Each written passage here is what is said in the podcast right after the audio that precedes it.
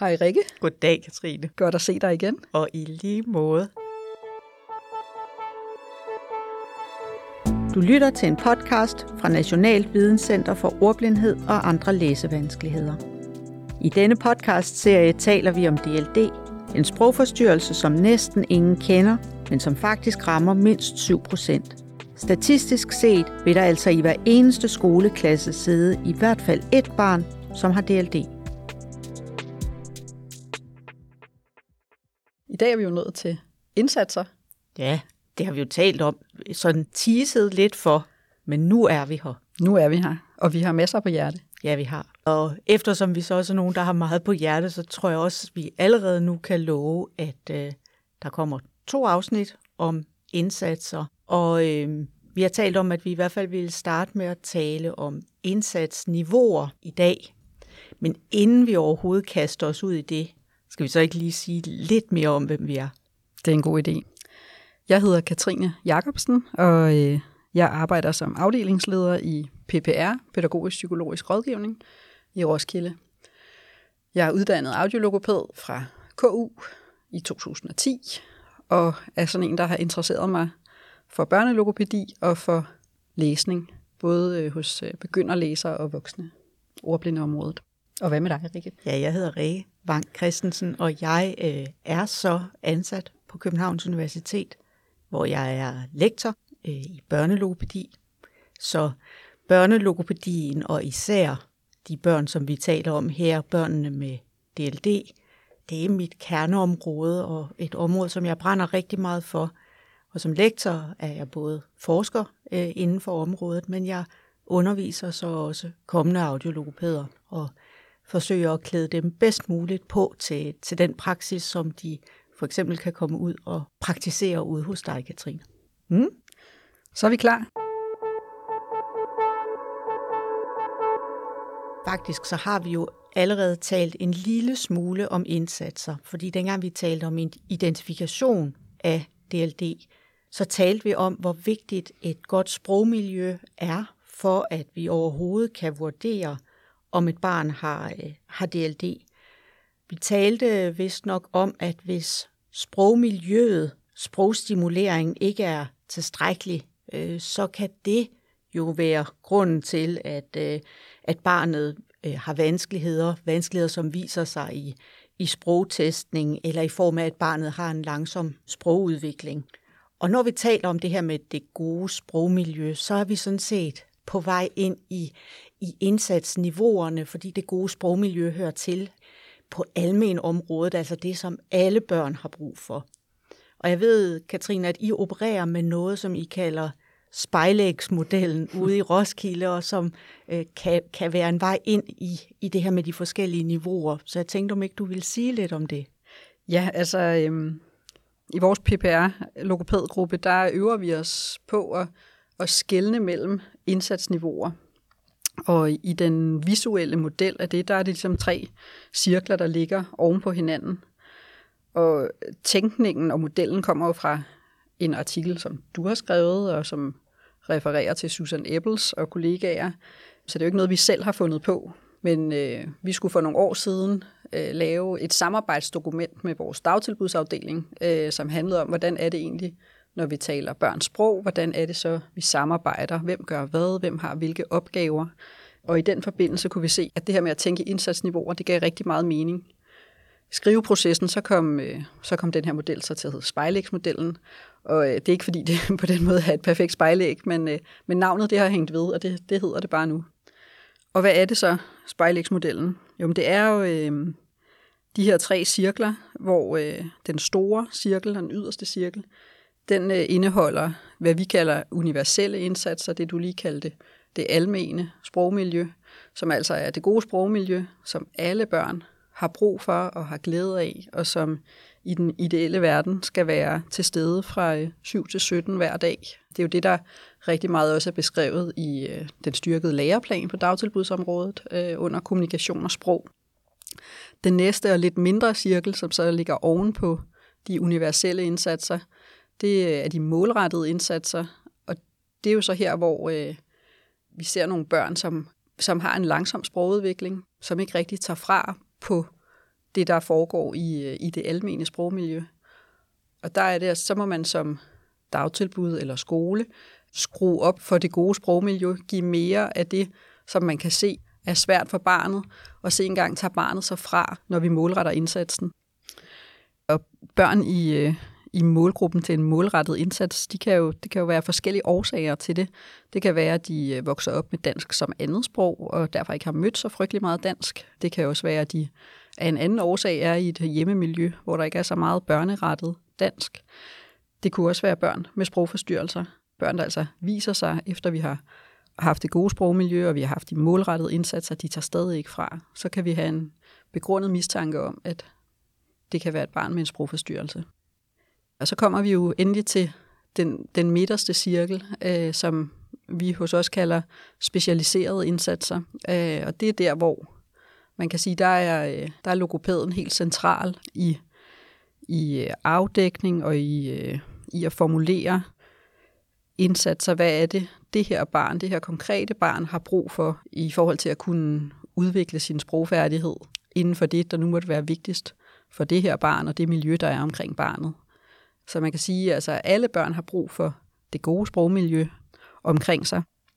Nogle børn har også brug for noget målrettet, og så er der de her få børn inde i midten, for hvem det er helt afgørende, at de får den individualiserede indsats, altså hvor vi går ned i det her barns sprogfærdighed og siger, hvad, ligesom, hvad er det næste, der er det rigtige at vælge i forhold til det her barn, for at, at det kan udvikle sig.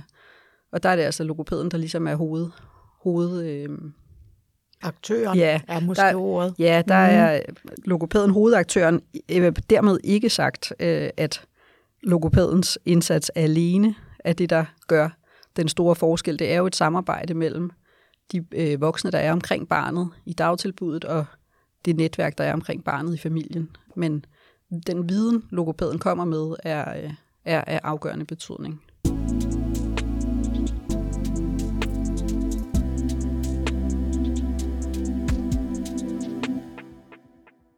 Jeg synes, at spejlægsmodellen er sådan en, det, det er en fin måde at tænke på, eller, eller give et navn til, til det her med de niveauinddelte indsatser, som, øh, som er nemt at huske, øh, og derfor et vældig brugbart billede, synes jeg, på, på det, som meget tit bliver nævnt i forskningslitteraturen, og som jeg i forskellige sammenhæng, som du også sagde, har, har slået på tromme for.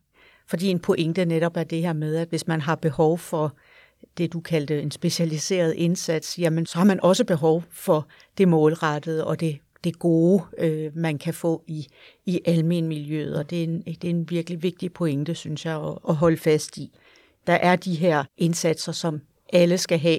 I taler om universelle indsatser, jeg taler om almene indsatser, men vi mener jo præcis det samme her. Ikke? Det, som, det, som er til for, for alle, for eksempel den hensigtsmæssige sprogstimulering i, i dagtilbuddet de almene indsatser, hvis vi bare lige sådan skal konkretisere det lidt, så tænker jeg, at det jo for eksempel indebærer, at alle har, har mulighed for at være med. Alle børnene på stuen eller, eller alle børnene i klassen har mulighed for at være med og, og komme til ord.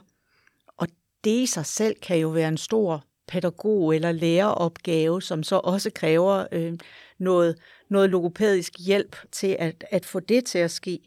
Fordi man jo for eksempel skal tænke over, hvordan er det, at, at fælles seancer, instruktion i klassen eller morgensamlingen på stuen, får en tilpas længde til, at alle faktisk kan, kan være med hele vejen.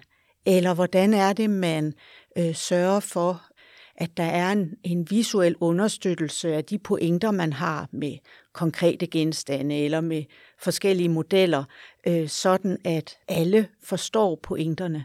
Det kan være svært, og det vil ofte være noget, man skal lære, og der kan logopæden så også øh, spille en rolle. Så, så det er sådan øh, et par elementer i de almene indsatser. Og hvis man så tænker de målrettede indsatser, så sad jeg og tænkte på, da du, da du talte om dem, at det jo også kan være det, som, som logopæder laver, øh, for eksempel i, i en fonologigruppe. Hvis vi siger, her har vi en gruppe af børn med nogle bestemte karakteristika. udtalevanskeligheder. Så, så øh, har vi måske så også bestemt os for, at de har brug for øh, noget lydlig opmærksomhedstræning, fordi det at kunne være god til at lytte til sproglydene også øh, kan være en forudsætning for at komme til at producere dem på den rigtige måde. Og så kan det være, at vi i, i fonologigruppen laver sådan noget generelt øh, sproglydstræning, hører forskelle på øh, forskellige sproglyde øh, fordi vi tænker, at det vil gavne børnenes produktion. Men hvis man ikke har taget stilling til, hvad er det for nogle specifikke profiler, de børn i sproggruppen har.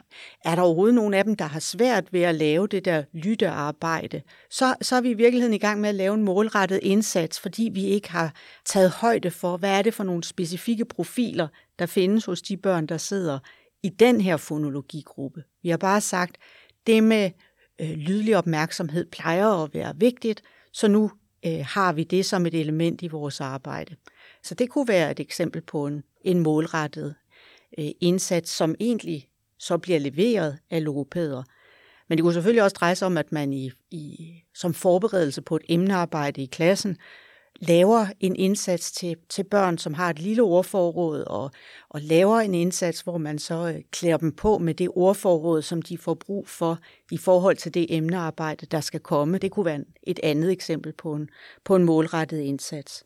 Ja, og så var der, så er der de indsatser, som I kalder specialiserede ude hos jer, og som jeg plejer at, at, at kalde for særlige indsatser. Og jeg tænkte faktisk på, inden at jeg dykker ned i dem, så, så øh, kunne jeg tænke mig at høre, hvorfor I vælger at bruge specialiserede indsatser om de indsatser, Katrine. Hmm, altså, helt grundlæggende tror jeg, at vi gør det, fordi at de modeller, vi har lagt os op af, har kaldt det specialiserede indsatser. Øh, og det sammen med, at vi i det her samarbejdsdokument, som jeg omtalte som ligesom anledningen til, at vi tog fat i den her model, der øh, formulerer vi også, at tale hørekonsulenter, logopæder, hvad man kalder dem, er specialister i børns sprogudvikling, og derfor kan man sige, hos, hos os giver det mening at sige, at når vi er inde i de, den inderste cirkel der, hvor at der er tale om en sprogindlæringsvanskelighed, så har vi brug for en sprogspecialist, og så giver det mening at snakke om det som specialiserede indsatser. Jeg øh, kom til at tænke på, Rikke, da du snakkede, at, at øh, noget af det, som, som vi sådan i forbindelse med, med både udarbejdelsen af det her dokument, men også i det hele taget sådan snakker om, det er jo også samarbejdet ind i, i dagtilbudene i forhold til, hvad er vores rolle øh, som logopæder. Fordi logopæder kan være sparringspartnere i det almene. De kan også øh, være medaktører på det målrettede, eller ene aktører, som det du lige øh, foreslog.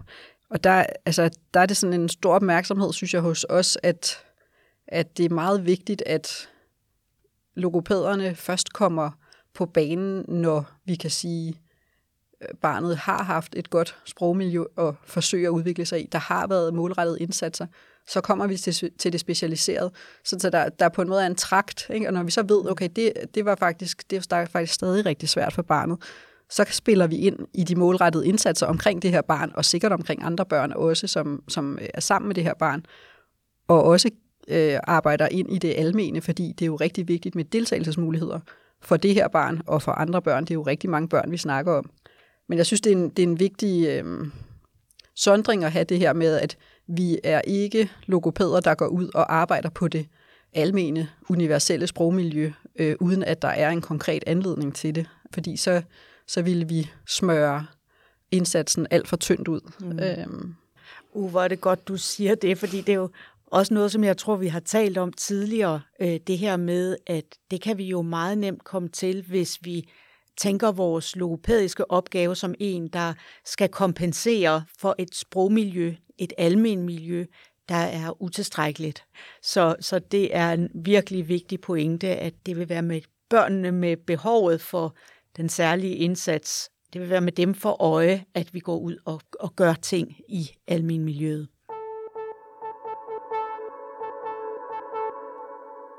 Da vi øh, talte om øh, identifikation i et af de foregående afsnit, der snakkede vi også om, hvor meget sprogmiljøet og de indsatser, der kan ligge ligesom før det specialiserede, betyder for muligheden for at identificere børn med sprogindlæringsvanskeligheder, DLD.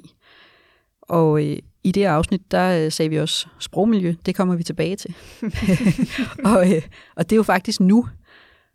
Og i virkeligheden er vi nok lidt i tvivl om, hvor meget vi kommer tilbage til det, fordi de niveauer, der ligger på det almene, universelle og på det målrettede, som er det sprogmiljø, børnene færdes i til hverdag, og som ligger hos pædagogerne og hos lærerne og, øh, og etablerer. Altså, det, det tænker vi faktisk ikke så meget er noget, logopæderne skal være inddraget i og ansvarlige for, med mindre der altså taler om et barn, hvor vi snakker konkrete deltagelsesmuligheder, og hvordan støtter vi op om det barn. Det er en det er en god pointe, Katrine. Så lad os være forsigtige med at gå, gå ind i, i mere, end vi allerede har gjort i, hvad der altså kunne ligge i, i gode almen indsatser og i, i målrettede indsatser. Øhm, jeg tænker egentlig også, at, at øh, i forhold til de målrettede indsatser, så er en pointe for mig også, at, at vi jo sådan set som logopæder skal passe på med, at det ikke er en masse målrettede indsatser, vi laver, hvis vi egentlig går og forestillede os, at vi, vi laver særlige eller specialiserede indsatser, altså individualiserede indsatser, øh, så vi ikke kommer til at, at, at gå og bruge de logopædiske kræfter på dem, når vi egentlig gik og forestillede os, at vi lavede individualiserede indsatser. Ja, præcis. Altså, der er jo sådan en, en organisatorisk opmærksomhed i det her også, synes jeg, som er, at, at øh, den her forståelse kan man jo, altså af indsatsniveauer, og hvor øh, de logopædiske kræfter, de bruges bedst, den kan man jo have i sin egen gruppe og i sin PPR, men det er jo super vigtigt at få det afstemt med de andre afdelinger, som, øh, som arbejder på børnenes øh, det miljø, børnene er i hele tiden, altså i dagtilbuddet eller i skolen, fordi det, det dur jo ikke, hvis, hvis der er uafstemte forventninger til, til øh, hvem der sørger for hvad. Både på, på forvaltningsniveau, men jo også øh, helt derude, hvor man mødes omkring de enkelte børn. Så det er en, en, en opfordring til at øh, gå i, i samarbejde med dem, der sidder og har, har noget at gøre, for eksempel med, hvordan får man implementeret øh, de styrkede læreplaner, hvor øh, kommunikation og sprog er en del af det. Det har i hvert fald for os været et, et springbræt til at få sat ord på, øh, hvem gør hvad, hvem har ansvar for hvad, alle de samarbejdsrum, der er, men også, hvor ligger opgaven, og hvad er sagsflowet.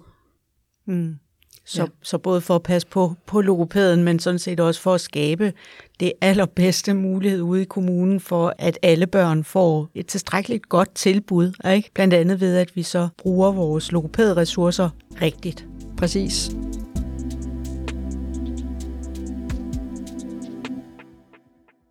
I forhold til de øh, særlige eller specialiserede indsatser, så øh, tænker jeg jo, at, at pilen peger tilbage på mig, Katrine, i forhold til, at I har valgt at gå med specialiserede indsatser, fordi det har jeg kaldt det, og, og det er også det begreb, der bliver brugt i noget af den engelsksprogede øh, litteratur på, på området. Jeg er gået over til at tale om særlige indsatser, og det øh, er jeg blandt andet, fordi jeg har oplevet, at det der med Øh, og kalde det specialiseret, har, har skabt en vis usikkerhed blandt nogle logopæder. Så hvornår er man hvornår er man specialist nok til, at man kan arbejde med specialiserede indsatser? Det har været et, et spørgsmål, der har rejst sig i forskellige sammenhænge. Og så har jeg tænkt, om de særlige indsatser, dem kender vi som begreb allerede fra, fra sprogvurderingerne, og så, øh, ja, så er jeg endt der. Men i virkeligheden, så kunne jeg tænke mig at tage det her et helt andet sted hen, eller et tredje sted må det jo så blive, fordi uanset om vi taler om særlige indsatser eller specialiserede indsatser, så er det centrale, at det handler om at lave individualiserede indsatser. Og med en individualiseret indsats, så handler det altså om, at vi har et bestemt barn for øje, et bestemt CPR-nummer for øje i den indsats, vi tilrettelægger. Så altså en individualiseret indsats. Og, og en krølle på det er så faktisk, at en individualiseret indsats behøver ikke at være en en-til-en indsats. Øh, nu skal vi holde tungen lige i munden, ikke? Men, men det behøver altså ikke at være sådan, at man laver en individualiseret indsats individuelt. Og hvis jeg lige vil vende tilbage til fonologigruppen fra før, og det her med, at vi kunne have en målrettet indsats, som ikke øh, tager højde for øh, de enkelte børns profiler, så kan man jo sige, at vi kunne godt have en fonologigruppe, hvor Rasmus sad. Og Rasmus, han har måske problemer med at sige lige bestemt er lyden. Øh, jamen, så kunne det jo være, at det gav mening, at vi arbejdede med lydlig opmærksomhed på R. Vi arbejdede med at høre R, høre forskel på R-lyden og andre lyde, og at vi også arbejdede med produktionen af R-lyden til gavn for Rasmus, fordi vi tænkte hans profil ind i den her indsats, der så var individualiseret i en sproggruppesammenhæng. Mm. Jeg kan sagtens købe ind på individualiseret. Jeg synes egentlig, det giver øh, god mening at have det som, øh, som sådan et øh, pejlemærke, fordi det her med at sige øh, i midten af cirklen, altså hvem skal være der, øh, hvis man siger, det er specialisten, eller det er det særlige. Ikke? Her der siger vi, det der skal være øh, forberedelsen, eller, eller øh, indholdet skal være individualiseret, så er vi ligesom ud over det her med, hvem kan udføre det. Mm. Så det, det synes jeg er et, øh, et vigtigt perspektiv, som man altid kan spørge sig selv om. Er det individualiseret, det jeg laver nu, i forhold til, hvor i indsatsniveauerne man er? Og når vi nu snakker om det her med termer og hvordan vi taler om, om indsatser, så øh, mens jeg er glad for individualiseret, så er jeg lidt mere forbeholden over for det her med særlige indsatser, fordi det taler lige ind i den øh, terminologi, der bliver brugt i sprogvurderingen, som bliver brugt ved 3-4-5 års alderen i, øh, i dagtilbudene.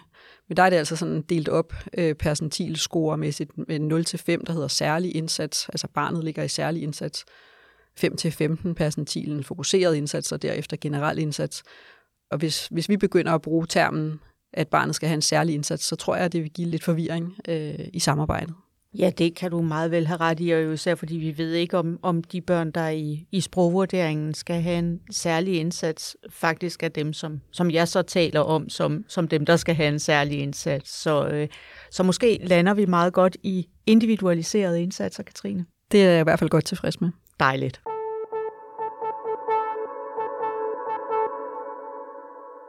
Jeg kunne jo godt dykke ned i det med de individualiserede indsatser, og faktisk også tale om, at de individualiserede indsatser kan være både indirekte og direkte, men må ikke vi er ved at være nået til det punkt, hvor vi skal runde af for den her gang, og så lave en cliffhanger og sige, det her med indirekte og direkte indsatser, det må så vente til et kommende afsnit, også om indsatser, men altså individualiserede indsatser, direkte, indirekte, og så prøve at runde af for, for den her gang, Katrine. Hvad siger du til det? Det lyder så fornuftigt, Rikke. Mm. Og hvordan runder vi godt af nu? Vi plejer at stille refleksionsspørgsmål. Det er det, vi gør. Det er det, så vi gør. er det ikke også det, vi gør i dag? Det er det nemlig. Og du plejer at være simpelthen så god til at sige dem. Refleksionsstemmen. Ja, præcis. På med den. På med refleksionsstemmen. Ja, og nu øh, når vi så til de her refleksionsspørgsmål, som altså er nogen, vi øh, håber, I kunne have lyst til at drøfte med hinanden derude på jeres PPR-kontorer. Vi ved jo godt, at der er forskellige vilkår, bemanding, muligheder fra det ene kontor til det andet. Så det er jo ikke, fordi der er øh, noget rigtigt svar på, på det her, men det er jo tænkt som, som noget, I kunne bruge som input til den proces, I er i. Og her kommer spørgsmålene. Hvilke typer af indsatser har I hos jer? Har I både almene, målrettede og særlige indsatser? Hvilken type indsats bruger I flest ressourcer på, og synes I det er hensigtsmæssigt? Har I særlige indsatser til børn med DLD, altså indsatser, der er individualiseret? Det var vist øh, det for den gang. Så er der jo bare tilbage at sige tusind tak til dig, Katrine, og til jer, der lytter med derude. I lige måde, Rikke. Vi øh, snakkes ved. Det gør vi i hvert fald.